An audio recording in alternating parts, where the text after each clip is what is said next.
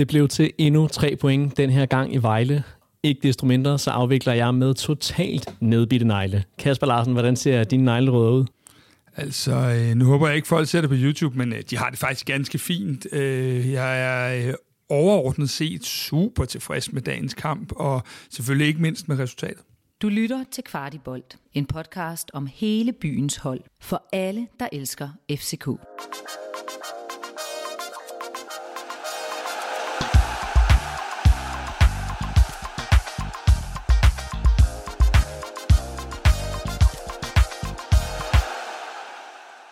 For tredje udkamp i streg vandt FC København. Det blev til en 2-3 sejr, som vi i dag skal dissekere her i Kvartiboldstudiet.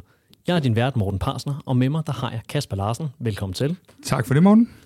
Vi har også igen i den her uge fået fint besøg, den her gang af fodboldaficionado Sandro Spasojevic, vært på lige, på, øh, lige på hos øh, Bold.dk. Velkommen til, Sandro. Tusind tak.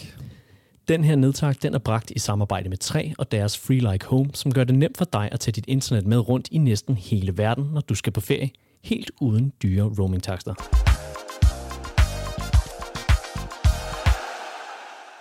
I den her nedtag, der skal vi selvfølgelig snakke om kampen i Vejle. Men derudover, der kan du som lytter eller seer blive klogere på FC Københavns to nye indgående transfers, om hvordan de to de stiller os i det resterende transfervindue. Her på Kvartibold-redaktionen, der er vi også blevet enige om tre ting, som vi lærte i Vejle. Den første ting, som vi blev enige om, det er, at der er nu overstået to Superliga-kampe med 6 point og en Champions League-sejr. Det er meget længe siden, at FC København de startede så stærkt. Den anden ting, som øh, vi er blevet enige om, det er, at øh, trods de tre sejre, så er kampene blevet alt, alt, alt for lige. Den sidste ting, som, øh, som vi nåede frem til, det er, at FCK's offensiv den er totalt uforudsigelig, og det bliver selvfølgelig de tre emner, som vi kommer til at dykke ned i i den her udsendelse.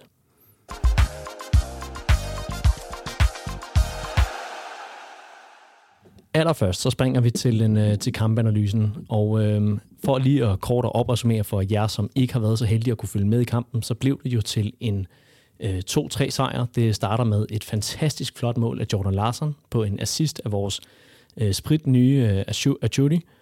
Øh, så kommer Alban Tossa op på et hjørne og, øh, og gør det til, øh, til 1-1, hvorefter at Rooney på en assist af Christian Sørensen gør det til 2-1, så gør et selvmål af øh, Dennis Varbrutte til 2-2, endelig, inden at øh, Diogo han endelig afgør det hele på straffespark til 3-2. En kamp, der buller frem og tilbage. Kasper, hvad, hvad kan vi udlade af, af den her fodboldkamp sådan lige umiddelbart? Altså i hvert fald sige, at øh, nu, nu har jeg været så heldig at køre fra første til femte med Sandro, og noget af det første vi øh, i elevatoren, og noget af det første vi sådan lige øh, talte om, det var øh, det der med, øh, wow, hvor bliver der spillet hurtigt øh, possession-spil, øh, hvor er der rigtig, rigtig mange ting, der sidder lige i skabet, når vi har kuglen. Øh, så det er sådan den første ting, der lige øh, falder mig ind, og især på så tidligt et tidspunkt af sæsonen, at man kan sætte så god en teknisk kamp sammen, inden man sådan helt er kommet i det her flow, vi alle sammen ved, man skal i med de her onsdag, lørdag, søndag, whatever kampe. Øh, det imponerede mig rigtig, rigtig meget, øh, vil jeg sige. Det var sådan den første ting, jeg lige sådan falder mig i øjnene. Ja, det var jo så Kaspers elevatoranalyse. Er du lige så øh, optimistisk, Sandro? Ja, mine, det er også en elevatoranalyse, for vi, vi stod jo sammen i den, men jeg, jeg, jeg er positivt overrasket over det, som FCK gør med bolden. Fordi det er faktisk noget af det bedste, jeg har set i rigtig lang tid. Øhm, jeg har tit været efter FCK, for faktisk at have manglende kvalitet på bolden, især måske i starten af sæsonen, i, øh, i de andre sæsoner. Men jeg synes faktisk, det, at Næsto begynder at vise nu her med hans hold, det er, at, øh, at holdet øh, på bolden virkelig, virkelig er ambitiøs i den måde, de bygger spillet op på, i den måde, øh, spillerne bevæger sig på, deres, deres færdigheder sammen, deres øh, ja, måden, de, de hænger sammen på. Det er ligesom sådan et, øh, et, bordfodboldspil. Altså, de er, de er synk rent offensivt. Fordi rent defensivt, der synes jeg så, der er nogle mangler, men det, øh, det kan vi så komme ind på. Og det er også nogle af de ting, som jeg tror, at øh, Næstrup skal bygge videre på, hvis der er, at der skal kigges Europa, og det skal der jo. Men er det noget, som er fundamentalt anderledes end øh, afslutningen af sidste sæson? Er det noget, som Næstrup han har bygget på sit FCK-hold? Ja, det ligner det. Altså det, i sådan en kamp her, der ved vi, og alle ved, at Vejle vil stille sig forholdsvis langt tilbage, og det vil sige, umiddelbart, så har de jo, de er jo, de er jo stærke på hovedspillet. Og det vil sige, hvis man havde en Cornelius, så var det jo også oplagt at prøve at udfordre den der når man ikke har, så kunne man godt øh, frygte, at det blev sådan et spil foran Vejles kæde, og det er aldrig nogensinde kom til noget. Men der er bare nogle spillere i FCK, Jordan Larsen, Diogo fra en dybere position, som tager de her ryg ind om bagved, og det gør bare, at øh, hvad hedder det, Vejles midterforsvar, de, de har aldrig rigtig noget at forholde sig til. Fordi samtidig så har de ude i den ene side, så har de Ashuti, som gør banen rigtig bred. Det vil sige, bakken over i den side, han skal stå og, og tage sig af ham, samtidig med de her, øh, det hedder så, altså det er ikke et overlap, Sørensen, Christian Sørensen kommer med, fordi han gør banen så bred. Og så er der Rooney Badaji over den anden side, som jo meget går ind i banen og skaber overtal over på, på ydersiden. Så der er hele tiden ting, som de skal forholde sig til, og det synes jeg, sådan blandetvis, Falk, Diogo, øh, nu skulle jeg til at sige Henke Larsen, men Jordan Larsen, de skiftevis laver de her, øh, de her skud, hvad kan man sige, mellem Vejles midterforsvar, og det synes jeg faktisk, man, øh, man lykkedes rigtig godt med. Men noget af det, øh, apropos den analyse, du lige kommer med, så kan man sige, noget af det, der er lidt sjovt, det er jo også, at øh, det er jo første gang i dag, i, i den nye sæson. Den er så også kun tre gang, øh, kampe gammel her. Men at vi vidderligt forsøger at, at, at, at tage noget af det her, hvor i sidste sæson var det jo Darami, der lå og fik kridt på støvlerne ude på den her venstre kant, og så havde vi en, på det tidspunkt var det jo mest en Diogo i det sidste, der går ind i banen. Det er sjovt at se, hvordan vi vender lidt tilbage til den i dag, øh, med Ajuri, der, der står så fint ude på den her kant, og vi så får alle de her mellemrums, og jeg tænker igen også, hvis jeg var Vejle-forsvar i dag, så ville jeg godt nok også løbe og klø mig lidt, øh, fordi jeg ville være usikker på, hvad fanden er det, jeg skal stille op? Mm. Fordi, øh, hvad hedder det, du har en Rasmus Fald, der løber ind i de her rum. Du har også en Jordan Larsen, vi så det jo også, på sidste linje, som er så eksplosiv og hurtig, og han kan også gå med i spillet øh, oven i købet. Så vi har så mange muligheder, og det er jo endda en, i en kamp, hvor øh, øh, vores anfører, topscorer Victor Claesson ikke er med. Det er en kamp, hvor øh, i hvert fald min bog, den bedste, en af de bedste angriber i Superligaen, når han er på sit højeste. Det er et stykke tid siden, han har været det, ikke er med. Det giver bare så mange muligheder, og jeg, jeg vil i hvert fald nødig være træner og skulle forklare, hvor vi skulle sætte ind, for der er fandme mange steder at sætte ind. Jamen, det giver så mange muligheder, det her med, og det er så tydeligt at se, at Ashodi, han har fået at vide, hold nu bare banen bred. Fordi ved at du holder banen bred, så, så er det, at bakken ud i hans side, højre bakke, han skal tage stilling til, skal han gå ud og gå mand-mand, fordi det vil man gerne på Ashodi. Hvis man giver ham plads, så er det, at han kan lave det her kombinationsspil. Men samtidig så skaber man også hullet bagved til, øh, til midtforsvarerne. Og der synes jeg bare, at alt det her samspil, det virkede, øh, det virkede, altså virkede virkelig godt i, øh, i dagens kamp. Så kan man så sige, alt det, man gjorde offensivt, det gjorde så, at der var mangler rent defensivt, fordi man havde på et tidspunkt begge baks oppe, øh, og det efterlader bare de to midtforsvar til, øh, til omstillinger, som vi nok skal komme ind på. Men, men, men bare lige en sidste pointe i forhold til det, Sandro siger. Øh, det, jeg tror, det er helt kalkuleret, øh, det her i dag, hvor man siger, vi, vi, kan, vi kan få mål imod os på de her dødbolde, fordi altså, Ja, du sagde det endda selv, inden vi optog, Morten, det der med, at, at uh, Raul Abetosa der, det, det er nok kun Cornelius, der går mere op i sådan en duel. Men, men jeg tror, det var en kalkuleret ting, at man sagde, vi tror, vi får mere ud af det spil, vi lavede i dag, end det øh, opdækningsspil, som vil komme. Jeg synes, der hvor fejlen begås i dag, det er mere, at, den begår, at vi begår så mange dumme, unødvendige frispark, hjørnespark, indkast på den sidste øh, tredjedel og de her ting. For det, det, det, det er jo os, der er med til også på de der, og så kommer der nogle omstillinger, det ved jeg, vi kommer tilbage til.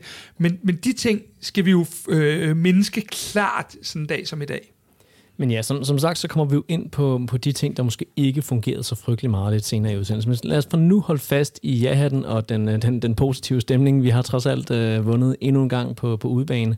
Øhm, så, så nævner I jo det her med, at FCK lige pludselig har noget offensivt nyt, noget, noget øh, spil på et hold, som stiller sig langt, langt, langt tilbage. Det sker jo blandt andet, fordi at der er fuldstændig er blevet rystet posen i forhold til opstillingen. Normalt så vil vi ikke gennemgå opstillingen i, i de her programmer, det kan folk selv slå op, men, men nu tillader jeg mig at gøre det alligevel, fordi vi kommer uundgåeligt til at skulle snakke omkring, hvem spiller hvor og hvordan og hvorledes. FCK de stiller jo op med en bagkode bestående af Grabara, Christian Sørensen, Dix i centerforsvar sammen med Vavro og Elias Jelert på højre bakken. På øh, sekseren, der havde vi William, øh, William Klem, og øh, så havde vi Falk og Diogo på øh, otte positionerne. Øh, Aturi, han øh, fik venstrekanten, mens Rooney havde højrekanten, og så var Jordan Larsen helt på top. Hvad er det ved den her opstilling, der gjorde, at vi kunne spille så meget i, i mellemrum, som, øh, som det endte med at blive tilfældet? Jamen, altså, øh, en af nøglerne, øh, øh det, det er jo selvfølgelig, at man, man vælger typemæssigt i dag at køre en Diogo ind på en 8, det har vi jo ikke set før. Øh, og, og det er jo en meget anderledes type end Lerager øh, at få ind på 8'eren. Lerager er jo ikke, øh, øh, hvad hedder det, den her type, der løber og, og, og spiller det her mellemrumspil på samme måde. Han er jo mere en, en, en box-to-box-spiller, der kommer øh, med stor fysik og aggressivitet. Så, så jeg tror, at Næstrup's kalkyle i dag var, Øh, jeg tror også lidt, Sandro er inde på det før, øh, vi kommer til at lave noget powerplay i meget af kampen, har han tænkt, og, og, og vi så, hvordan vi har haft så svært ved at nedbryde de her betonforsvar, øh, så, så vi er nødt til at gøre noget andet.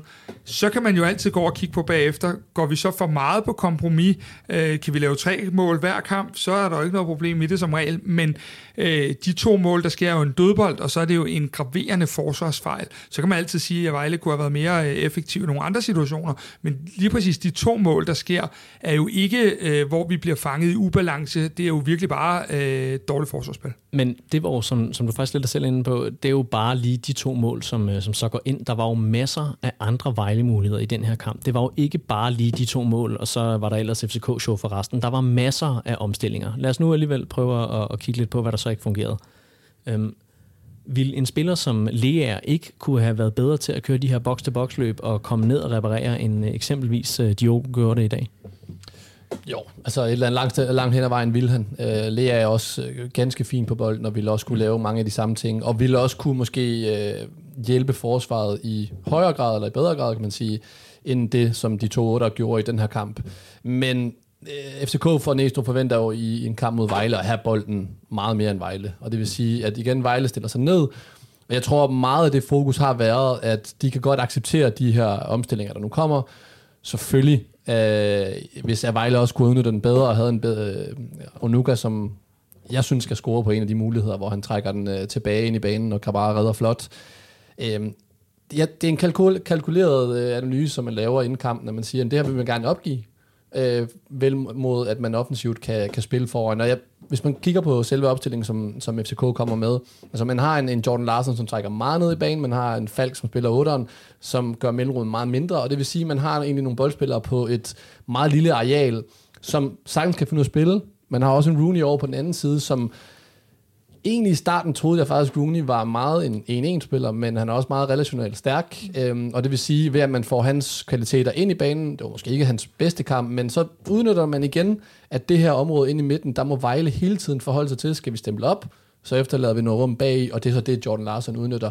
Så sådan er det, når man, øh, når man sætter de her kampe op, at der er noget, man må gå på kompromis med, og det var så øh, de her omstillinger her. Men Sandro, øh, sådan, øh, det er et svært spørgsmål, men hvor mange modstandere kan vi stille op på den her måde mod Superligaen og slippe godt fra det? Jamen, det, altså det er klart igen, nu, nu kommer der en oprykker i Vejle, øhm, som fra første division ikke var kendt for at have at kunne stikke kniven ind i øh, rent offensivt. Så øh, når vi taler, nu snakker vi også om på sms det her med, hvad er FCK's idealopstilling? Og du sagde til mig, du hader det ord. Det gør jeg også selv. Fordi at en idealopstilling skal jo ses i forhold til, selvom man er FCK, selvom man er de gode hold, så er man nødt til at kigge på, hvem man møder.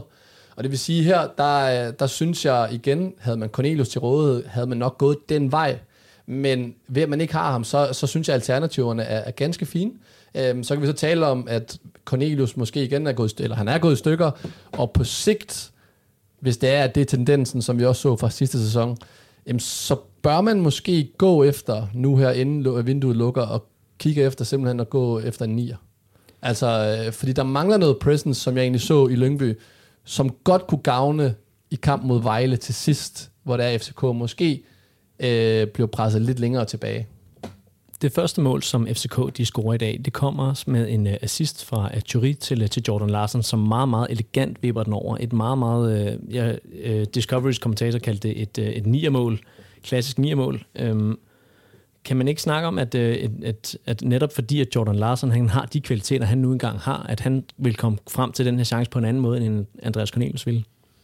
Jeg tror, egentlig, jeg tror faktisk også, Cornelius vil kunne komme frem til sådan en, fordi vi taler ikke om en angriber, der, der søger frimærkerne, og som er væk fra centrum. Det vil sige, der hvor Jordan Larsen egentlig scorer hans mål i, øh, i kamp, lørdagens kamp her, der er det, fordi han er inde omkring og egentlig søger Ashutis måde at, at, fremragende assist, han laver. Øhm, det er jo klart, så ikke fordi man har set Cornelius lave det her tip her, og det er mere i, i det fysiske spil, som man ser hans forser, men jeg synes jo også, det du, som, som du sagde inden, Kasper, at øh, når man snakker om Cornelius, så er han jo, når han er klar, og det har han så ikke været så meget, jamen så er han Superligaens bedste angriber, og det mangler vi måske at se fra ham, men det får vi jo, når det er, øh, skaderne ikke rammer. Jeg vil gerne lige bide mærke i, når, når folk af andre klubber hører den her udsendelse, det var mig, der sagde en af Superligaens bedste, og Sandro, der sagde den bedste. Bare lige så vi har det på plads, ikke? så, så er den i hvert fald ja, meget det klart. præcis. Men, men imod Lyngby, der havde FCK jo væsentligt sværere, end øh, de havde i dag med at få, øh, få øh, åbnet den her dåse og få, få, få lavet og skabt chancer. Kan du ikke øh, argumentere for, at en, øh, en Cornelius han måske ville have, ville have haft det sværere i sådan en kamp som, som den her? Jamen, så havde vi jo grebet den anden, som Sandro også siger, på en anden måde. Vi, vi vælger jo lige nu at spille ud fra det, vi har. Ikke at det skal lyde dårligt, men vi spiller jo, vi laver jo planen efter de spillere, der er til rådighed, og vi spiller naturligvis anderledes, når vi har en, en eller når vi mangler en, både en Victor Claesson og en, en, øh, en Andreas Cornelius. Så, så kampbilledet havde været helt anderledes, øh, hvis det var, at øh, Andreas havde været med. Så havde det nok set ud i vores opbygningsfase en lille smule mere af Lyngby-kampen øh, vil være mit umiddelbare bud. Så, så vi, vi, det, det, er, det er en stor forskel i måden, vi bygger op på, men jeg er enig med Sandro i, at, at, at det kunne så godt være Cornelius, der var kommet til den her chance, øh, men måden, vi kommer derhen på, det er selvfølgelig anderledes, når Jordan trækker ned i banen og er så god i de der ting. Og så siger du bare til, at jeg kan komme med mit Jordan Larson rant, ikke? Men, men der er også det der ved det, når man har en Cornelius. Øh, det man egentlig glemmer, når man har en type som Cornelius, og nu vil jeg gerne lige sige, at han er jo landsholdsangriber. Ja og topscorer i den tyrkiske liga, så når han kommer Jamen, til Danmark... Med dig. Ja, ja, det ved jeg godt, men det er bare for at sige til lytteren ja. derude, det er, altså, det er jo rimelig, øh, rimelig safe at sige, at han er, han er en af Superliga, er Superligaens bedste angriber.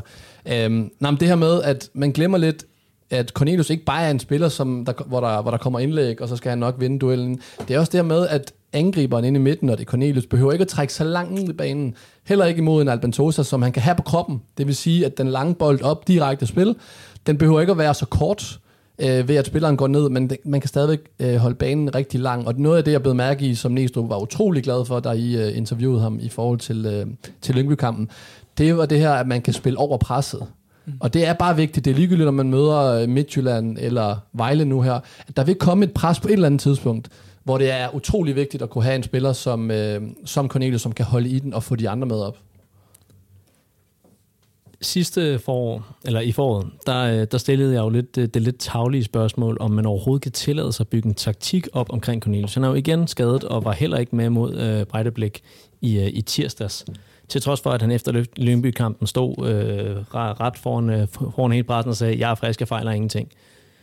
Øhm, nu, nu ser vi igen en Andreas Cornelius, som, som ikke er fedt og som ikke er til stede. Du, øh, øh, Sandro, startede jo med at være meget, meget begejstret for FCK's offensive udtryk i dag, og, øh, og at der lige pludselig var et koncept, at der lige pludselig var et offensivt udtryk. Giver det overhovedet mening at, øh, at bygge en taktik op omkring øh, Andreas Cornelius, eller skal vi vende os til, at han er sådan en, en, en luksusvare, vi kan bruge ved, ved lejlighed? Det, det, det er et sindssygt svært spørgsmål. Nu har han bare været så meget skadet, Øhm, så derfor, bare lige, nu vil jeg ikke svare politikermåden, det gør jeg alligevel ved at svare lidt udenom. Ah, men så spørger jeg dig igen. Ja, ja, men det er bare, det er derfor, jeg tænker, at FCK skal kigge efter en nier, som har lidt den samme øh, type, eller den samme type som Cornelius, fordi han har været så meget skadet. Men det er sådan, når man generelt, når man træner, og man skal bygge et hold op, så har man selvfølgelig sin ideelle opstilling, men man søger jo også alle mulige andre kombinationer, og det ligner jo på, kan man sige, det hold, der var i Vejle, at det var noget, der var indød alt. Altså, det, det var som om, at det var et hold, der bare kunne fungere også med en Cornelius, men som egentlig var i synk uden. Um, og man skal bygge det op omkring ham. Det er jo ikke en, en, øh, en, en binær ting, enten eller.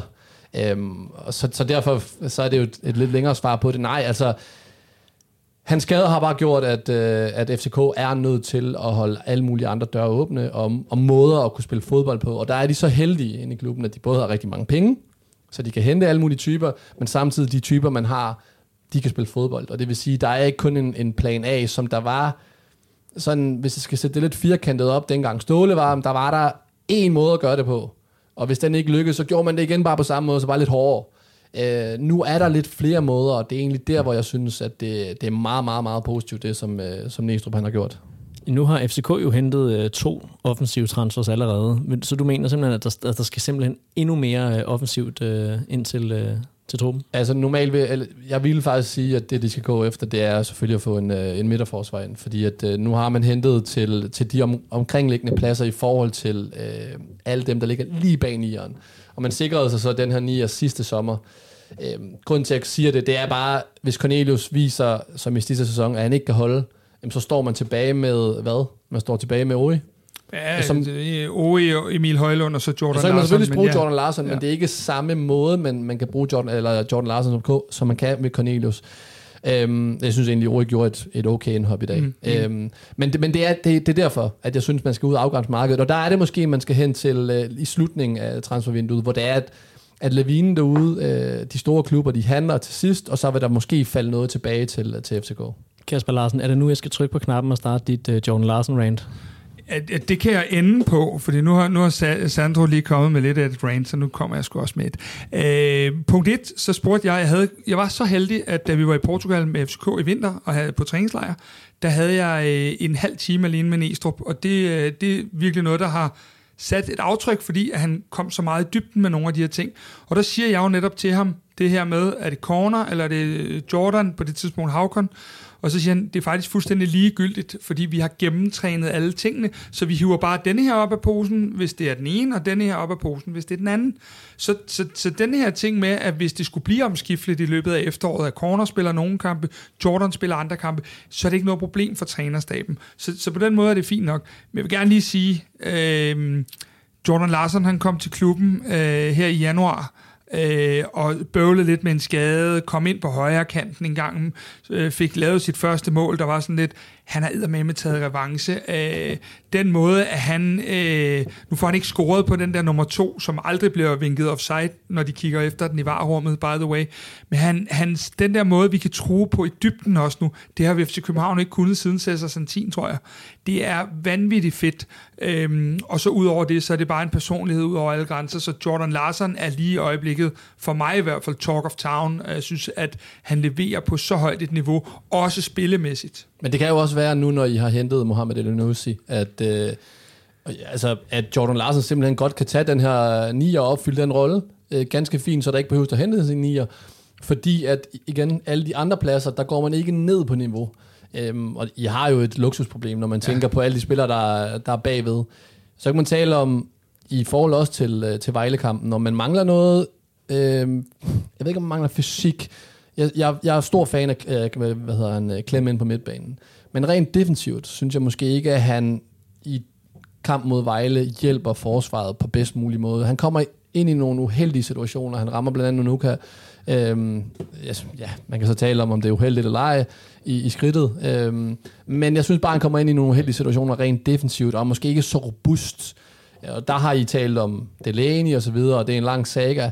Men, øh, men der mangler måske lidt power, og jeg, når jeg taler FCK, så taler jeg, kigger jeg altid på Europa. Fordi det er ja. det, pejlemærket skal være. Afgjort. Og det er derfor, i Superligaen, der vil det sagtens kunne gå an, men når man møder de store hold ude i Europa, der, der vil der bare komme noget fysik over 90 minutter, som vil være øh, en udfordring. Var det så fysikken, der var den store udfordring rent defensivt for FCK i dag, eller hvorfor er det så, at, øh, at, at der alligevel kom så mange chancer imod København? Ja, men altså, øh, Vejle, igen, jeg synes, Vejle spiller en rigtig god kamp. Øh, accepterer, at det ikke er dem, der er på bolden, og det, at de må stå til, når det er, at det er i omstillinger. Det accepterer FCK også, de tager bolden til sig. Og, øh, og så opstår der de her muligheder, og det, og det gør der blandt andet øh, ved, at jeg ser det i mange situationer, at Baksene simpelthen efterlader for meget rum, og jeg ved ikke, om det er Baksens skyld, eller om det er, øh, eller om det overhovedet er nogen skyld faktisk, for sådan er fodboldkampe, nogen udvikler sig sådan. Øhm, jeg vil faktisk vente om at sige, at det er, det, det er et godt omstillingsspil af Vejle, som ser deres muligheder, og ikke bare øh, forsøger at gøre noget, som de ikke har været, øh, været gode til. Om det er rent fysisk, Øhm, nej, det, altså, det synes jeg ikke er et problem, altså lige nu her igen, øh, rent Superliga-mæssigt. Jeg, jeg, jeg ser det sådan øh, øh umiddelbart lidt øh, derhen af, men, men også mere, at øh, der sker nogle af de her lidt tossede fejl, Øh, og de vil ske, når du har kuglen så meget, som du har, at vi, øh, vi laver nogle, nogle dumme fejl. Diogo har vist et dumt boldtab på et tidspunkt i kampen. Øh, og, og igen, som jeg siger, de to mål, der bliver lavet mod os, er, er det ene er, er det er sådan er, et klovnemål på en eller anden led. Øh, Vavro øh, for, for øh, altså Klem støder ikke op på, øh, på, på manden hurtigt nok, og Vavro kommer til at se lidt, øh, lidt øh, klodset ud i den situation osv. Men, men, øh, men det er klart, at vi skal sørge for at spille nogle af de her angreb færdigt. Og det er måske en af de øh, ting, der er, fordi den her kamp i dag, der er vi for mig, og nu er jeg jo partisk, men jeg synes, vi er så meget bedre end Vejle. Ikke fordi Vejle er dårlige, men fordi vi simpelthen er så dygtige i den her kamp, at den må jo aldrig gå hen og blive spændende. Vi bør jo kunne sidde med en uh, gin tonic over i sofaen og, uh, og, uh, og bestille den næste sommerferie, eller hvad vi skal, uh, fordi der er så stor forskel på holdene. Du spurgte mig også om de der negle, og jeg tror dybest set, det var derfor, at de ikke var bidt helt ned i dag. Det var fordi, jeg bare kunne se, hvor stor en forskel der er. Får man så tre point af, at der er en stor forskel? Nej, det gør man ikke. Men der, der er bare så stor forskel, og vi har så meget offensivt spil, der er så lækkert, men det er klart, at det skal, der er nogle ting, der skal rettes ind, øh, før at vi møder modstand, som, som sætter, som for at bruge Sandros udtryk, kniven ind. Det skal vi. Det men, skal vi. men det der er ved det, det er, når man bruger de her otter, som også øh, egentlig, det gode ved det er, at de bryder kæderne, som jeg nævnte lige før med både Falk øh, og Jordan Larson og Diogo. Det der er ved det, det er, når man gør det, så spiller man jo også sig selv forbi selve bolden. Og det vil sige, hvis det er, at den bold den bliver brudt, jamen, så er der egentlig en manglende spiller rent defensivt. Og, og det så jeg måske øh, nogle gange ske ved både Falk, de forsøgte de her et to afleveringer, som man også så med både øh, Christian Sørensens mål, man så også Schudi gøre det nogle gange. Og det er, det er super fint, når det lykkes, men når det ikke lykkes, og de bryder bolden, så er der rigtig mange FCK'er, der er lige det ene eller to skridt længere fremme, som gør, at en aflevering fra Vejle, ja. så man ret tit i, i bagrummet, eller egentlig bare forbi det første pres, der kommer fra FCK, som jeg måske også kunne have savnet lidt mere fra, det gjorde, at det så rimelig simpelt ud at komme ud af det her pres her, og så ned i frimærkerne. Og der må jeg også bare sige, og det skal man huske, at, øh, at der var Vejle jo også sat rigtig godt op. Altså, de udnyttede de her små ting, og de, øh, de kom godt igennem. Men igen, Sandro, når vi snakker om det her, jeg er jo, jeg er jo med på det her med, at det er jo, det er jo europæisk, vi måler os. Ja. Øhm, og der, der må jeg bare sige, vi vil jo aldrig nogensinde gribe en, en europæisk, jo måske mod Breitablik på onsdag, men ellers vil vi jo aldrig gribe en europæisk kamp an på den her måde. Øh, der vil vi jo være langt mere påpasselige, fordi vi normalt i Europa vil være lidt overmatchet i de fleste kampe, vil du aldrig spille, men altså jeg tror aldrig, du vil se en opstilling som i dag. Der vil du have flere sikringsspillere inden. Jeg er meget svært ved at forestille mig en Lukas Lea, der ikke starter inden i en, i en, øh, i en, i en kamp mod øh, Sparta Prag, eller, eller bedre hold end det endda. Øh, så, så, så på den led så, så skal man også kigge den enkelte kamp igennem, som er det, vi gør i dag. Øh, der bliver lavet nogle fejl, øh, men, men, men der er jo ikke noget af det, der sker i dag, som er alarmerende. Og det er derfor, jeg siger, når du spørger, hvad jeg allermest tager med, så tager jeg med, at vi så tidligt på sæsonen øh, rammer så godt et, man kan også kalde det et grundspil, men så godt et flow, og så godt et spil, og så godt øh, relationsmæssigt også, endda med en debutant, øh, Superliga-debutant på holdet i dag, og så videre. Når vi allerede rammer det så tidligt, så er de andre ting jo ting, du øh, meget nemmere som træner kan justere ind, så, så, øh, så, det, bliver, øh, så det bortfalder. Og så skal du også huske, når det er, man møder, altså lige præcis som du siger, når man møder andre hold, måske bedre hold, det er nogle gange bare en meter, man står anderledes, lidt længere fremme. Øh, fordi nu kan jeg bare tale om, hvordan man, man måske tænker som fodboldspiller. Det er det her med, når man møder bedre hold, jamen, så er man måske bange for at give for meget rum. Det vil sige, at man træder ikke den her meter frem. Det kan både være skidt og, og godt, men når man så møder et hold som Vejle, hvor man tager de her ekstra meter, så, så vil der bare opstå et bagrum. Så derfor så synes jeg ikke, man skal være det der, som du selv siger, så, øh, så bange for at sige, jamen hvis vi spiller sådan her mod øh, et hold i Europa, jamen så vil vi få tæv. Nej, fordi så vil, man, man vil jo stille op anderledes. Ja. Man vil tage de her meter ja. og være mere påpasselig. Ja. Men det er, ja. Og det, og det er også derfor, vi, vi, vi skal konkludere på denne her kamp og sige helt sikkert, vi skal ikke bare stå og male alt rosenrødt, fordi det var for nemt for Vejle, men overordnet set er det her en præstation, hvor at de ting, der går godt, det er noget af det, der er rigtig svært at komme, få til at lykkes for et fodboldhold, nemlig de offensive relationer. Noget af det, der gik knap så godt, det er noget af det, der er lidt nemmere at træne på, fordi du kan bare øh, stille kejlerne lidt anderledes på træningsbanen, for nu lige at, at forsimple det lidt. Men det var jo ikke bare kampen i dag mod Vejle, der har været til. Det har også været tilfældet mod Breitablik, som jo på papiret lyder ganske overbevisende med en, øh, med en 2-0-sejr øh, ude. Og, øh, og så var det en meget, meget, meget tæt kamp i, i Lyngby kan man alligevel ikke tale om, at der alligevel er nogle ikke øh, hvad skal man sige, øh, sygdomstegn, fordi det vil være simpelthen for forkælet at sige, når, når, når man har, har vundet øh, tre kampe i streg. Men er der alligevel nogle ting, i hvert fald defensivt, som, som bør få nogle alarmklokker til at ringe? jeg ved ikke, altså alarmklokker klokker, nej, fordi man kan sige, øh, noget af det, hvis vi kigger øh, historisk på det øh, og går tilbage til foråret, jamen der havde vi jo lidt svært ved at finde altid de der offensive mønstre og så videre, men vi stod fantastisk i bagkæden langt størstedelen af tiden. Øh, så, så nej, det er der egentlig ikke. Men Næstrup's udfordring lige nu, det er selvfølgelig at, at, at få tingene til at balancere, så vi både kan spille det her smukke offensive spil, vi gør, men også sørge for, at vi, øh, at, at vi for at bruge Sandros ord, lige rykker den meter, vi skal rykke i nogle situationer. Og så tror jeg igen, øh, hvis jeg skal træde lidt ud af, eller lidt på samme øh, boldgade som Sandro, det der med, at du i de her ekstra kampe, som vi kalder dem Europakampen, du bliver lige skærpet på, at altså, Klem stod, skubber måske lige op på mål nummer to, øh, Vavro får måske lige clearet den bedre. Altså, der, der sker bare noget i de her ting, eller i de her kampe, når, når du møder bedre modstand. Øh, derfor skal man ikke negligere det. Det hører jeg egentlig heller ikke, at, at der er nogen, der kunne finde på at gøre, hverken efter Lyngby-kamp eller, eller noget. Men, men, men bekymret, det er i hvert fald øh, det sidste, er lige i øjeblikket. Men ville du hellere have haft, at I havde vundet de her to kampe overbevisende defensivt, hvor det var, man kunne sige, at det offensive manglede, igen med henblik på Europa, eller vil du hellere have, at det var som det er nu her, hvor det er måske det defensive mere mangler kontra det offensive. Jamen, det er jo, nu tager jeg din rolle herover, men det var bare, ja, det, det skal jeg rigtig gerne høre dig i forhold ja. til det, og så har jeg nemlig også mit efter. Ja, men øh, nej, det vil jeg faktisk ikke, fordi jeg tror på, at Jakob Næstrup i bedste, øh, kan vi kalde det Ståle Solbakken-stil, altid vil kunne organisere et FC København-hold til en europæisk kamp. Det, det tror jeg sådan mm. er en ting herinde, som, altså hvis vi går ud på gangene, vi optager i parken, øh, så, så, så er der limet fast i væggen, at det kan FCK altid gøre. Noget af det, jeg har bekymret mig over, det er, at vi ikke har kunne få det her bedre flow og udtryk i vores offensive spil i foråret, så derfor så øh, er jeg egentlig ret fortrøstningsfuld med, at vi godt kan det her. Jeg er godt klar over, at det ikke bliver lige så sprudlende sandsynligvis, når man møder et superhold i en, en playoff eller noget. Øhm, så, så jeg vil nok have valgt det her, selvom at det er lidt ufck, skal jeg sige. Ja, fordi at noget af det, jeg måske kunne have savnet, det var, at man har en Dix, som spiller, som garderer ind her i, i midterforsvaret, og man mangler jo midterforsvar, det kan vi så tale om senere, men jeg savner måske lidt for Vavro. Altså det her med, at det, at det er Vavro, der skal se som værende leder nede i forsvaret, som styrer det her forsvar.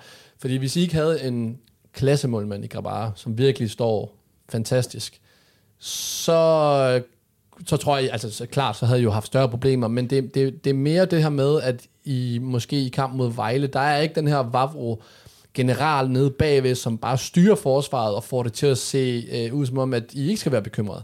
Jeg tror, at den følelse, jeg også selv sad med i, øh, Øh, i de gamle gode dage, gode gamle dage, kan man sige, med, med Ståle, det er det her med, at når man vinder en kamp rent defensivt, lige meget om det er i, øh, i Champions League eller om det er i Superligaen, så sidder man med følelsen af, at det er sikkert, det er robust, og så skal man nok kunne finde på øh, noget offensivt. Når man vinder den rent offensivt, som I gjorde mod, mod Vejle, og efterlader de her mangler rent defensivt, jamen så efterlader man bare indtrykket af, at ah, hvad så, når det er, at de store hold kommer. Og det, jeg tror måske bare følelsen af, at det, det, det her med, hvordan man opfatter øh, selve at vinde en kamp.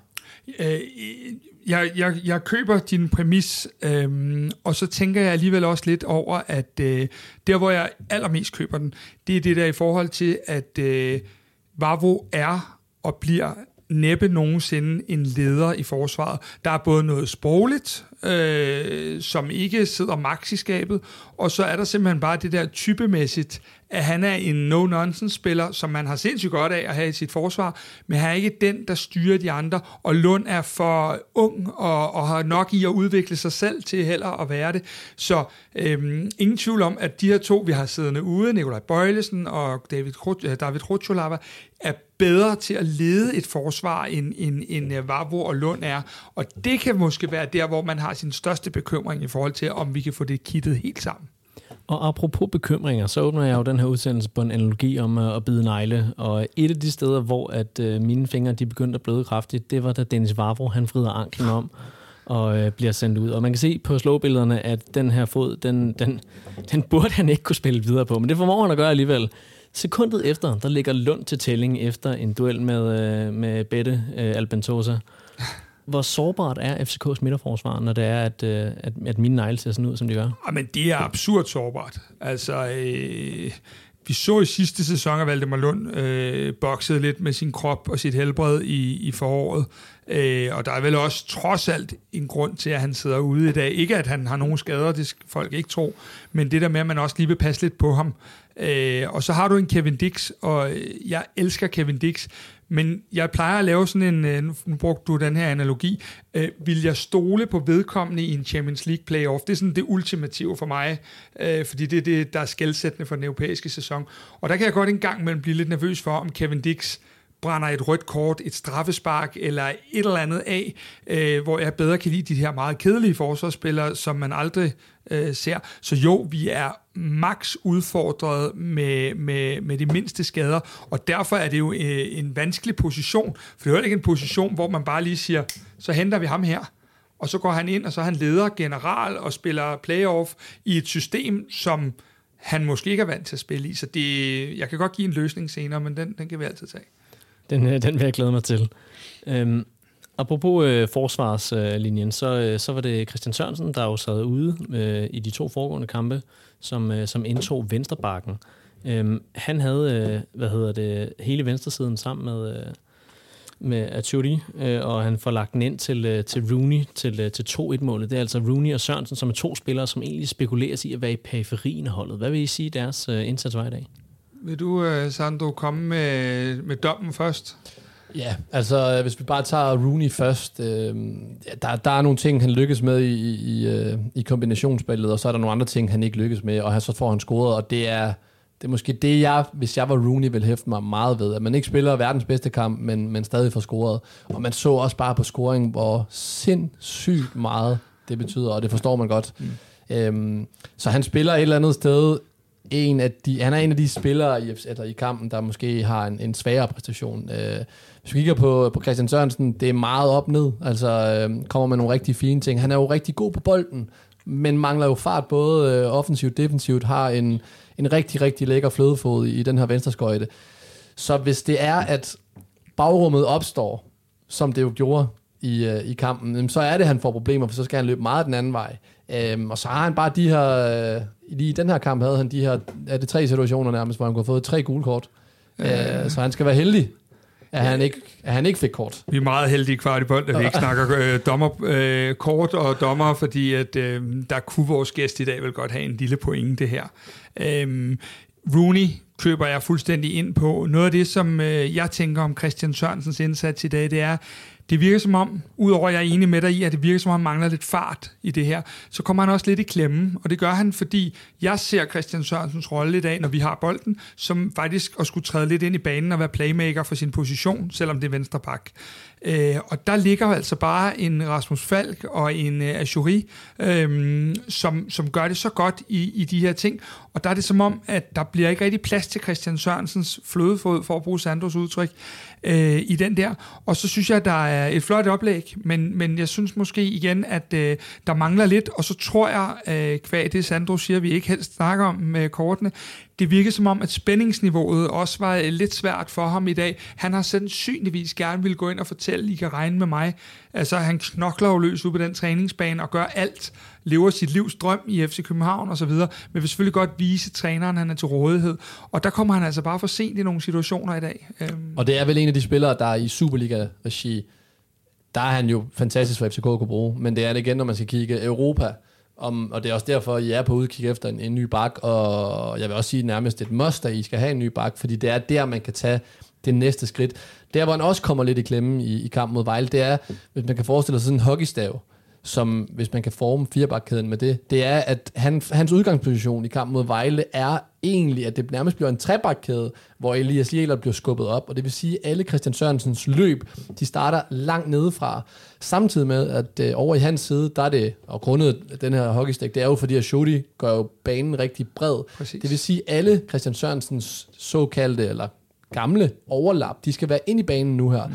Og det skaber bare en anden dynamik, fordi når han skaber øh, og prøver at skabe overtaget nede fra hans bak igennem kæderne, så er det, han egentlig går i samme bane, øh, hvor en øh, Rasmus Falk gerne vil hen, hvor John Larsen måske søger ned, og det skaber et lidt andet spil, end det, som han har været vant til Øhm, så det, det, det er spændende at se også nu, når I får uh, Mohamed El hvordan at den her kabale går op. Bliver Diogo brugt mere nede på en 8'er? Skal han bruges mere på en kant? Og de her små relationelle færdigheder. Men de to spillere, du nævner der, der det er de to mere svage præstationer i FCK's øh, kamp. Og hele den her kabale, den kommer vi selvfølgelig til at runde af på, når det er, at vi skal snakke transfer, og vi skal snakke FCK's idealopstilling. Et, øh, et tema, som jeg ved, Kasper glæder sig helt afsindig meget til. Så, øh, så det, det kan jeg glæde jer til lige straks. Inden da, så, øh, så synes jeg lige, vi skal vride, øh, undskyld, øhm, øh, runde Christian Sørensen helt af. For I, øh, I er lidt efter ham for, at han, han får det her dumme gule kort, og måske kunne potentielt have fået et mere. Men er det egentlig ikke bare en, en konsekvens af, at FCK står så højt, som de gør, og at de her baks udsat? Han var jo langt fra den eneste københavner, der må trække en nødbremse undervejs. Jo, jo, jo, jo. Men nogle gange så øh, handler det også om det der med at være forudseende i sit spil. Og at, nu siger du, at han han skulle have haft det røde kort. Altså han skulle have haft... Lad os få svisken på det. Det skulle han. Christian så han, han, han, skulle have haft det røde kort. Præcis, ja. så han var heldig i den her kamp her.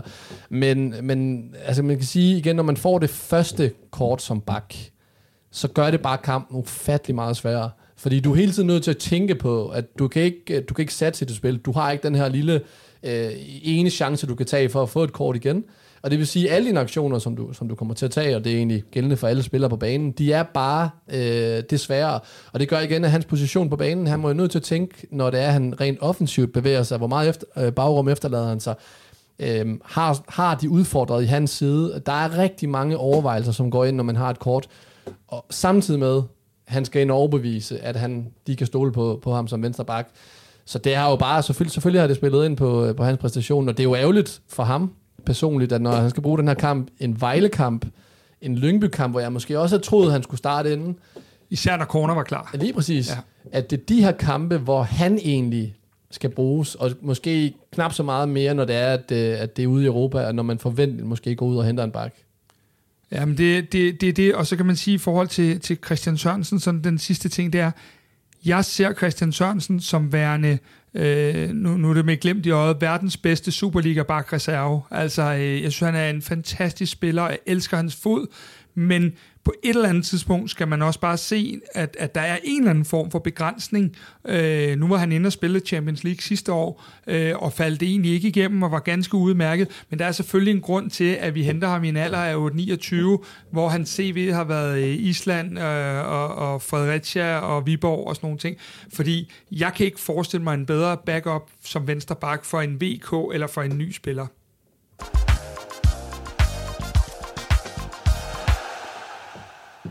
Vi er nu nået til ugens tre spørgsmål, som kommer på bagkant af FC Københavns to nye seneste signings. Vi har allerede set lidt til øh, uh, Aturi, og øh, øh, tidligere på ugen der blev også Mohamed al præsenteret i FC København. Det vil os til at selvfølgelig at spørge jer, hvilken transfer har givet jer den allerstørste kilden i maven. Og jeg vil nu læse en lille smule op fra Twitter, hvor at, eller X, som vi jo så skal til at vende os til at kalde det, hvor at øh, Patrick Brams han skriver – han har allerførst nævnt øh, Cornelius i sit forrige tweet, men han blev simpelthen også nødt til at smide, da vi hentede Sanka hjem i oktober 2020. Det var transferen, der ikke ville dø, og husker det mest af alt for den teaser, som FCK lagde op kl. 23.59. Det var en nedtælling fra nummer 1 til 25, og så landede den selvfølgelig på nummer 25, og så vidste man, hvem det var. Morten Klinkeby, han, øh, han går lidt længere tilbage i tiden. Han nævner, øh, hvad hedder det, da Brian Laudrup han kom til FCK, var det helt vildt. 90'ernes bedste markspiller på landsholdet, EM-vinder, god alder og hentede Chelsea. Vi var ikke klar til det, og Laudrup var tydeligvis heller ikke. Endelig så skriver Gustav, damen, bedste spiller vi har haft, som kommer tilbage. Præsentationsvideo, præsentationsvideo ved poolen gjorde hypen endnu større. Kasper Larsen, hvilken øh, FCK-transfer har fået det til at kilde allermest hos dig? Okay, altså er du sindssygt, mand. Jeg har jo klø alle vejen, når jeg tænker på de her ting. Men, øh, men, men jeg har to, der lige sådan, øh, springer op. Og den ene, det er Øh, vores øh, eneste so far indianer, vi har haft i truppen, nemlig øh, Federico Santander. Han øh, blev præsenteret over midnat, eller han blev ikke præsenteret, der blev simpelthen kommet en, en pressemeddelelse fra FCK om, at de var, øh, var nået til enighed med hans klub, og, og at ingen havde fundet den her nyhed nogen steder. Og øh, lige pludselig så får man bare, man går ind og kigger, og, og manden han laver 80 hovedstødsmål alle vejen på alle YouTube-videoer, og ligner jo det, han var også var, den her store, øh, stærke øh, angriber, øh, og Sydamerika og angriber og alle de ting. Alt kildede bare de rigtige steder, og det viste sig jo så sidenhen, at øh, det havde det god grund til, fordi fra dag et i parken var han jo fremragende. Øhm, så det var i hvert fald den ene af mine to. Og han blev jo nærmest også en stereotyp på en FCK-angriber. Altså man kan jo ja. lave mange paralleller mellem både ham og Cornelius og... Øh, hvad hedder det, Darmen Døj, og på sin vis også Jonas Vind i forhold til, øh, til statur. Og i, I hvert fald den store angriber. Det I hvert fald den, den ja. store angriber. Er der andre spillere, som ja, du så er der den anden. Altså det, det, jeg ved jo, altså det, det skal vi nævne. Altså, øh, en, en, vi har haft en lorte sæson, og jeg ved ikke, om vi er tilbage i 17, 18 eller noget af den stil. Og så øh, i januar måned lige pludselig, så øh, har FCK sådan en insight, hedder det FCK Insight, øh, hvor at de mest loyale fans kommer ind og får øh, en, en øh, lidt mad og drikke, og lige pludselig øh, den dag, selv samme dag, præsenterer vi Victor Fischer, som så har øh, insisteret på, selvom han har været ude at flyve og været til lægetjek og sådan noget, at komme til det arrangement. For det øjeblik, at han træder ind i lokalet, øh, jeg, jeg vil næsten vede på, at der er ikke en fra det lokale den aften, som ikke er, er Victor Fischer-fan til, til de dør, fordi han har bare altså, en kæmpe udstråling, karisma og alt det, som man som FCK-fan godt kan lide. Og mange andre kan så ikke fordrage ham, og det er jo en af de ting, vi nogle gange også godt kan lide. En ting er, hvad vi fans vi er helt vilde med. Det hænger jo ofte, ofte sammen med en romantisering, og med nogle gange også, som vi kan læse, præsentationsvideoer og alt det hype, der er rundt omkring. Som en mand udefra, Sandro, hvem vil du så mene er FCK's største signing? Altså nu vil jeg ikke øh, gå hele vejen tilbage til sådan noget øh, Jesper Grønkær, fordi der var jeg simpelthen for lille. Øhm, men jeg ser det jo også på som, som objektiv, ser jeg Superligaen, og øh, der må jeg bare sige, og jeg hader at svare det samme som, som, uh, som dig, Kasper. Ikke fordi det er dig, men bare Nej. fordi det blev kedeligt at svare ja. det samme. Men jeg vil bare sige Victor Fischer, fordi at uh, i det, han signer med FCK, der er det som om, jeg bare, alle ved jo, at alle interviews, der vil laves med ham i, i fremtiden, i onsite, i alt hvad der er, det vil ikke blive standardsvar. Og det er egentlig det, jeg synes, at han er den, en af de fedeste for.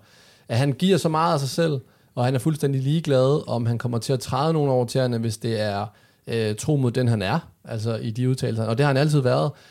Så, så da det er, I signer ham, der, øh, og det her, det, jeg kigger egentlig væk fra selve niveauet, for det synes jeg faktisk, eller det var rigtig godt til at starte med, og så dalede det så senere hen. Men alt det, man fik med ham, øh, situationen Jodens, øh, hele den her homofobi, der var, øh, hvor han stiller sig op og råber, alle de interviews, øh, den måde, han gav sig selv, øh, jeg synes, han er fremragende. Jeg har lige set ham i, øh, i dag eller i går på vores søvej ved Fitness World. Ik- ikke han kom ud fra Fitness World, jeg skulle op. Øh, det var sjovt, men ja, fik, vi lige der, fik vi også lige den placeret. ja, ja, ja, ja, ja, man kommer og kører cyklerne med sit lange hår, men der, der synes jeg bare, at der, der ramte vi alt. Og begyndte han også at levere til at starte med. Øhm, og der har jeg lidt altid været, bare lige for at nævne det, efter spillere generelt, man kan udtale sig og skære ud, lige så meget man vil, når det er, man leverer. Men det bliver altid et problem for folk, når det er, at øh, udtalelserne de ikke stemmer overens med, med spillet på banen, og det er jo selvfølgelig ærgerligt, at det ikke gjorde det til sidst. Jamen, jeg er lykkelig over, at du giver mig det billede i hovedet. Jeg ser, mig for ham, øh, jeg ser ham for mig cykle med, øh, med Thomsen på, på bagsædet. det eneste, så... jeg så i det billede, det var Sandro, der var på vejen i fitness. Sådan er der så meget. Det billede, det vil jeg forsøge at slette fra min net. Ja, det er så fair.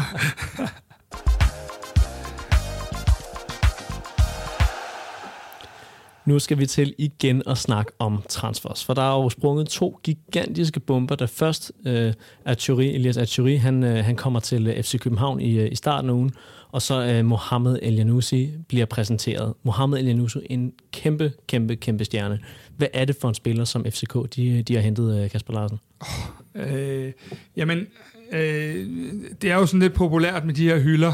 Øh, og så er der nogen, der, der altid vil sige, jamen det er ikke øverste hylde, men, og det kan vi jo altid diskutere fra nu af og til juleaften, hvad er øverste hylde? Messi er jo øverste hylde. Messi og Ronaldo ja, og de her ting, det er jo øverste hylde. Dem får vi ikke. Hvis vi kigger på FC København, så vil jeg sige, at et skifte direkte fra Premier League, hvor man har spillet Øh, jeg har ikke tallet, men var det 28 ud af 38 eller noget af den stil kampe i sidste sæson. Øh, måske endda til tider, hvis jeg skal være lidt kæk øh, og have Nordsjælland-fansene lidt på nakken, holdt Kamaldien ud af holdet øh, i, i nogle sekvenser, øh, så er jeg med på, at det er en nedrykker, og derved for bliver en stats nogle gange lidt dårligere som offensiv spiller osv.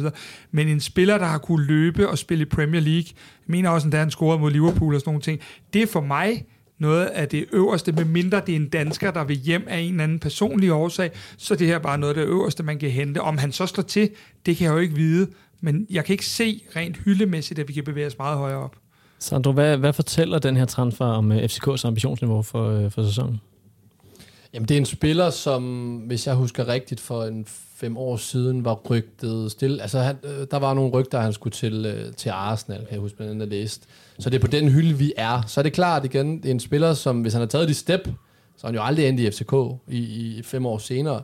Men når vi taler om den her hylde, som man har hentet Mohamed El Honusi, så, så vil jeg også sige, at det er øverste hylde lige nu her, hvor FCK er. Fordi det er en spiller, som, som også har udtalt, altså han har haft andre muligheder.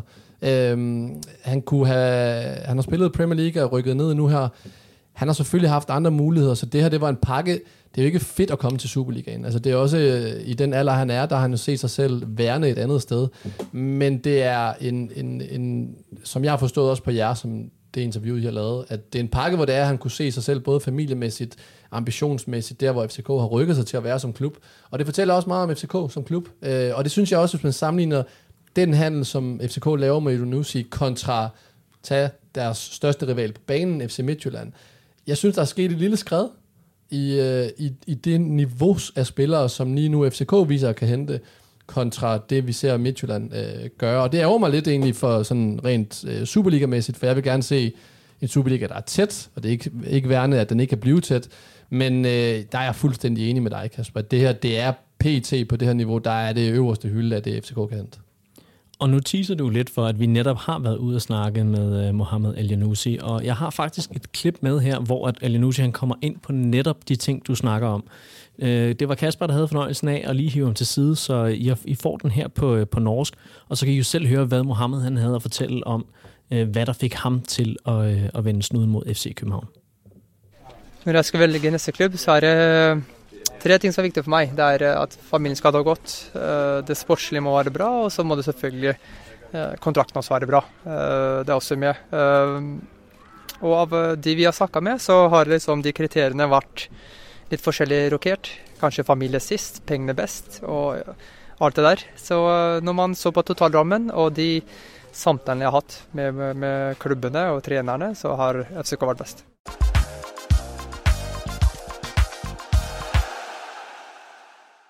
Mohammed han fortæller her, at parken den var simpelthen bedst i FC København, når man måler på de to, øh, tre parametre, som, øh, som du også nævnte før, Sandro, i forhold til, at der både var noget sportsligt, der er noget med familien, og der er en økonomisk pakke, der skal passe ind. Vi ved jo godt, at FC København ikke nødvendigvis var det hold, der kunne præsentere den bedste økonomiske pakke, men at især familien øh, har betydet meget for, øh, for Mohammed. Hvad, hvad fortæller det dig om, øh, om den her spiller, øh, Kasper Larsen? Altså, man kan sige det sådan, at øh, det bekræfter det indtryk, jeg først, det første indtryk, jeg fik, da jeg kommer ud.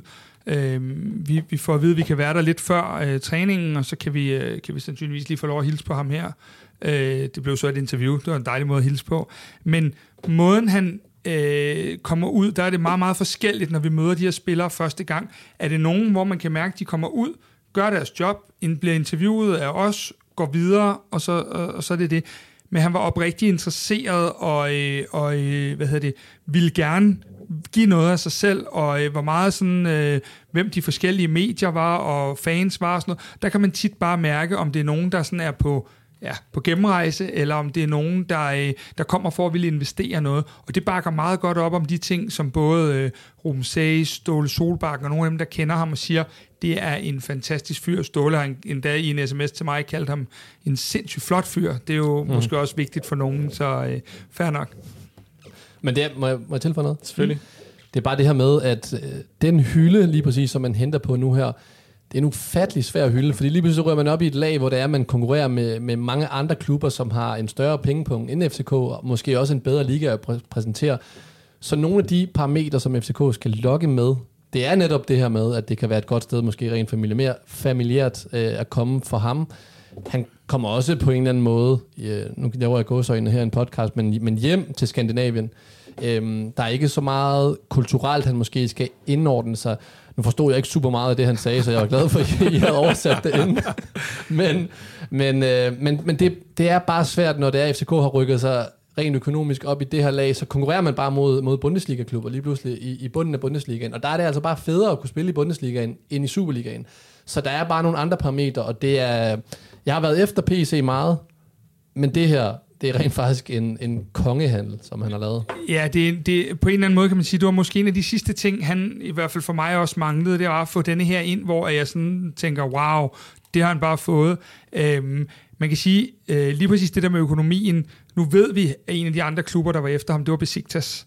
Øh, og, og vi ved jo øh, med i glimt i øjet, at nede øh, i Tyrkiet, der tager man ned, jeg har sagt det før, til cigarhandleren og, og, og betaler det skat, man lige har lyst om mandagen, øh, hvor herhjemme, der er skattetrykket lidt anderledes.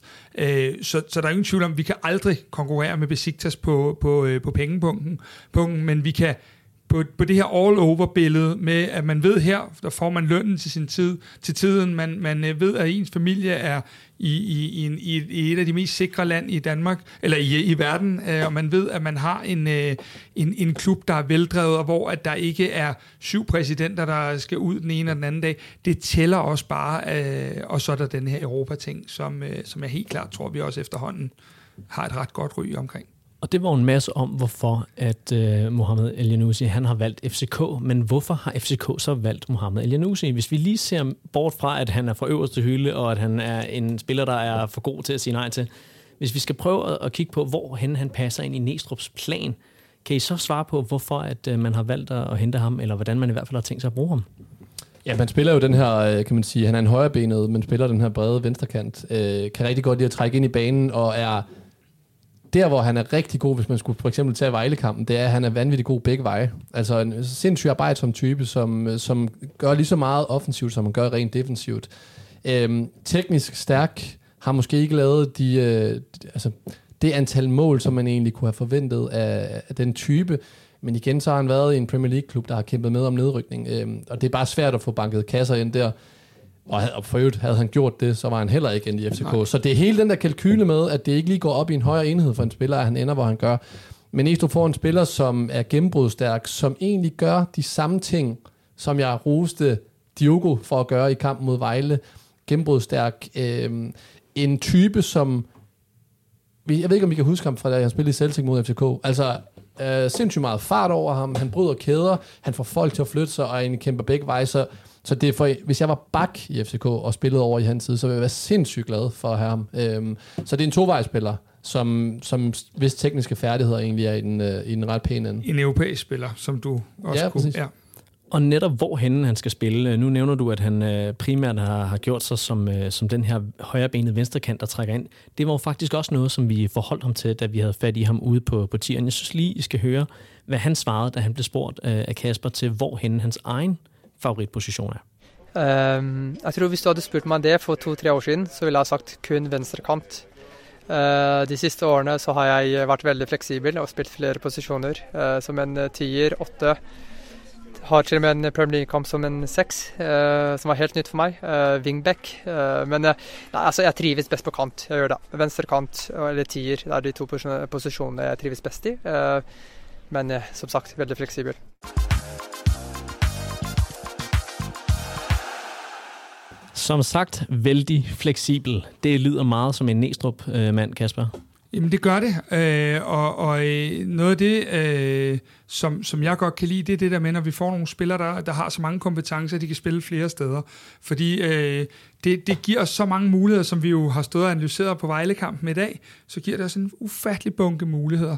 Øhm, noget af det, jeg tænker på, det er, at øh, det, han bliver meget berømmet for, det er hans presspil. Øh, Øh, og det er også de ting, jeg har været inde og kigge på omkring ham, det er, at han er utrolig god i presspillet. Og der har vi jo mistet, efter mine begreber i hvert fald, en af de bedste pres, øh, offensive presspillere i mange år i Superligaen. I hvert fald af dem, jeg har fulgt, øh, Havkon Haraldsson. Så der efterlader Havkon jo et rum der, som vi på den ene eller den anden façon kan, kan gå ind og benytte. Øhm, så det, det, det ser jeg som værende en af de ting, øh, som han kommer til at bidrage rigtig meget med. Fordi jeg tror, jeg tror, at det er en spiller, der har ændret sig lidt igennem de senere år. Jeg tror, det er en spiller, der havde ufattelig meget speed en til en, men som kvæg alder og, og, og øh, ja, livet øh, måske er blevet en lidt mere klog spiller. Vi hørte ham også sige, at han har spillet en enkelt kamp på sekseren mm. i Premier League. Øh, det, det, det er sådan lidt wow øh, at høre det. Øh, men bare for at sige, at det, det, er, det er en spiller, vi kan bruge rigtig, rigtig mange steder. Nu skal folk nok ikke tro, at han kommer for at spille sekser. Øh, men vi kan bruge ham på de her offensive positioner. Og så tror jeg bare, at vi skal, vi skal se, at det er en meget moden spiller, og måske ikke en af de her, der, der sætter tingene på spil så meget, som han han gjorde tidligere i karrieren i, sin, øh, i sine aktioner. Men hvor, øh, hvor stiller det ham så i forhold til en eventuel idealopstilling, hvis vi så. nu skal kaste os ud i, i den debat? Fordi at hvis han er bedst på venstrekanten, så stiller han altså i, øh, i samme gruppe som Aturi. Han stiller sig sammen med Diogo, og øh, han, øh, han er også en, øh, en del af en øh, kantpulje, der består af Jordan Larson, Mukairo, øh, Rooney, og jeg kunne ellers bare blive ved. Hvor hen øh, vil han være? Øh, vi må antage, at han vil være med i en øh, idealopstilling. Sandro, inden at jeg flipper helt ud over ordet idealopstilling, vil du så svare? Ja, men jeg sidder og kigger lidt ned over, over holdopstillingen. Altså, hvis man tager søn- eller lørdagens kamp mod Vejle, så vil jeg jo... Og jeg er ærgerlig over at sige det, fordi jeg synes jo, at øh, jeg kan jo smadre godt lide øh, Badaji. Men hvis man kigger på den form og, og højst mulige niveau, så vil jeg egentlig tage ham ud af, af startopstillingen. Og så vil jeg måske, og det er igen, hvem man møder, fordi altså, Judy han gør banen bred lige meget, om det er den ene eller den anden side, han bevæger sig over i. Det er to højrebenede spillere, man har. Så øh, jeg vil egentlig rykke øh, måske øh, Ashuti over i højresiden, få Elonisi over på venstre. Så har man en spiller, igen, som, som tager to højrebenede spillere, men man har en Ashuti over i højre, som egentlig øh, nok skal sørge for alle de offensive øh, takter derovre, og han har en Elias Jelert bagved, som, som vil sørge det rent defensivt. Øhm, men det er, jo, det er jo sindssygt svært, altså, fordi man efterlader også, så skal Diogo spille noget igen, øh, og, ikke, og, ikke, og han kommer og ikke med til... Lukas, hvad med Cornelius? Øh, præcis, øh, ja. øh, og det er igen derfor, når vi snakker om idealopstilling, fordi møder man et hold, hvor det er, det kræver, at man har en tank op foran, så, jamen, så er det, at Cornelius skal spille. Hvor skal Jordan Larsen? Så kan det være, at man rykker Jordan Larsen over til venstre, og man egentlig fjerner Elias Ashudi. Jeg ser egentlig Elias, for bare lige at vende tilbage til den, den handel er fremragende i Superligaen. Øhm, men måske til Europa, så er det måske Mohamed Elonusi, som skal tage Elias' position. Og jeg ved ikke selvfølgelig, om Elias er, det er han jo ikke vanvittigt glad for at høre, men, men, men er det mere på den måde? Jeg ved ikke, hvordan du ser det, Kasper. Jeg ser det, øh, først og fremmest ser jeg det som, at, at Jury, han kan ikke dansk specielt, så, så vi kan godt stå og fyre den lidt af her.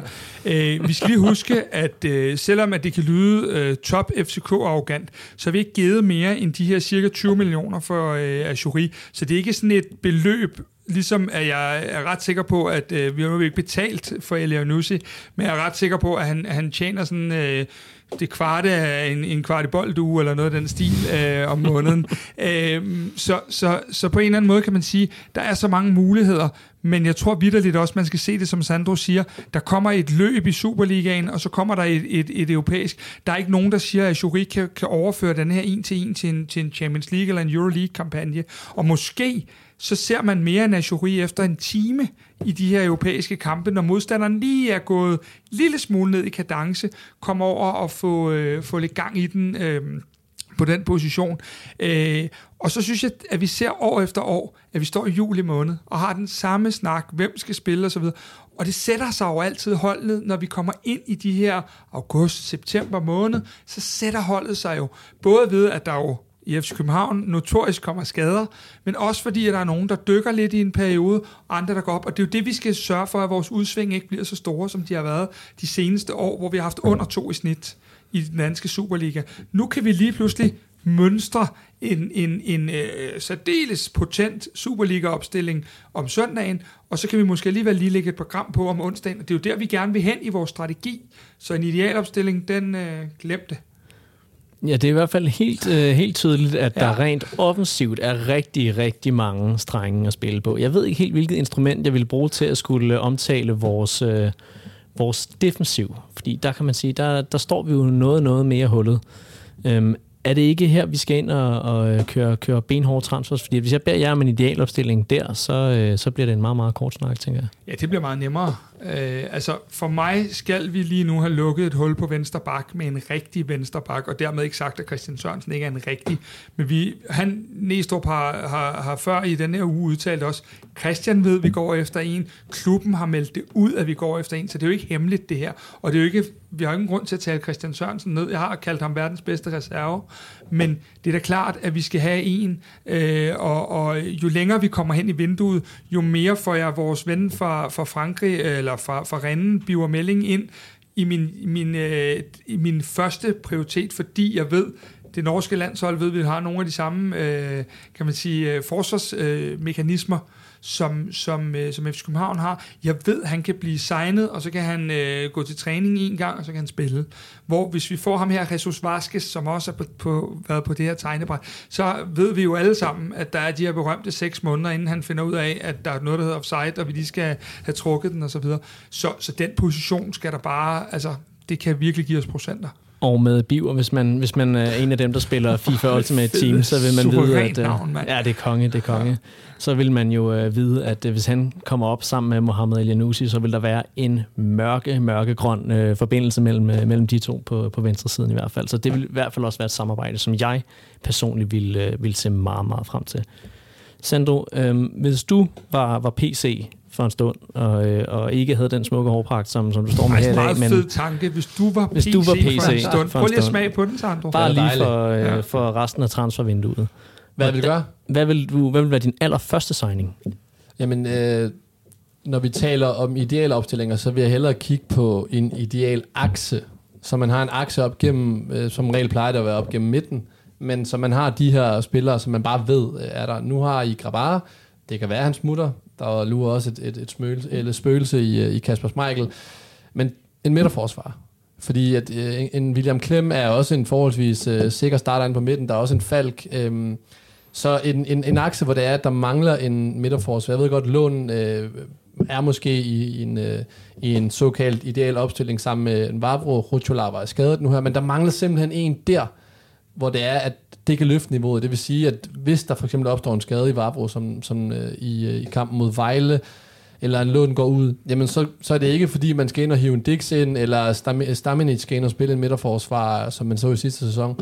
De her ting. Så der er man nødt til at gå ud og hente. Og det er igen med blik på Europa, fordi at Ja, jeg tror, i Superligaen vil man godt kunne leve med, en ikke skulle ind og spille øh, midterforsvar langt hen ad vejen igen, øh, fordi man har bolden mere, men, øh, men skal man gøre sig gældende ud i Europa, så jeg vil simpelthen gå efter en midterforsvar. Hvis du spørger mig om hvem, så har jeg, så har jeg ikke lige noget navn, men... Øh, det har jeg jo lovet at komme med. Det kan det være, at du har det over, Kasper. Jamen, det, det vil jeg da bare spille direkte over til dig så. Jamen, det kan du godt gøre. For det første, så vil jeg sige, at øh, nu, nu fik Sandro lov til lige at være PC i kort øjeblik, og det øh, synes jeg faktisk, du gjorde øh, med bravur. Øh, det nye design og så videre her. øh, men men øh, det, jeg vil sige omkring den situation, det er, det er virkelig en utaknemmelig opgave. nu, nu griner vi sgu bare herinde, det er fint nok. Øh, det er en utaknemmelig opgave. Du har bundet op, økonomi op på en Nikolaj Bøjlesen, mm som faktisk skulle have spillet på U19-holdet i dag, men blev syg. Øh, som der har en måned nu ved at skyde på, indtil han er i betragtning til truppen. Så har du en Dennis Vavro, som vi i dag øh, lige fik hjertestop i 30 sekunder omkring. Du har en David Rotulava, som altså, han er kulturen ude på tieren. Så har du en Valdemar Lund, som du gerne vil sælge til Premier League om, om et stykke tid. Øh, og så har du en Kevin Dix, der er den her vikar der er bundet ekstremt mange penge op på den her position, og der er øh, bundet penge op på lidt aldrende spillere uden øh, Valdemar Lund, øh, som er sådan, i slutningen af deres karriere, som forventer at spille.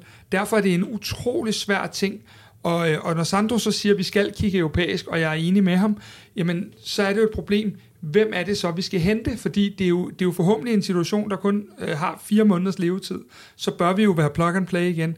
Men Øh, jeg tror sgu, øh, på trods af, at han lige har forlænget med sin klub, jeg vil, øh, jeg vil simpelthen øh, lægge mig ned på fri og fødder, tage til London, øh, tale med Thomas Frank og øh, Mathias Sanka, og spørge, om han skulle hjem og, og komme tilbage for 20. gang, eller hvor meget der er efterhånden. Jeg synes simpelthen, at han er præcis det, vi mangler. Plug and play, øh, et dejligt afspil, ledertype, øh, også i omklædningsrummet. Det var, det var mit absolut bedste bud, øh, og når han er dygtig nok til at, at spille så meget Premier League, som han har gjort stadigvæk, men så er han også det, det er jo dit drømmescenarie. Det er jo, øh, Nej, hvem vil passe det er det, jeg vil gøre, hvis Det er det, du vil gøre simpelthen. Ja, okay, men, men vil det så ikke bare være at binde endnu en, må man antage, meget, meget, meget løntung spiller på den jo, her position? men det er også derfor, jeg tror ikke, der er en løsning. Altså, jeg, jeg tror ikke, fordi vi kan også hente en 19-årig et eller andet sted og lege, øh, og der har også været tale om sådan noget med at hente Rasmus Tillander, men, men i min bog er Rasmus Tillander ikke nødvendigvis bedre end Kevin Dix inde på den position,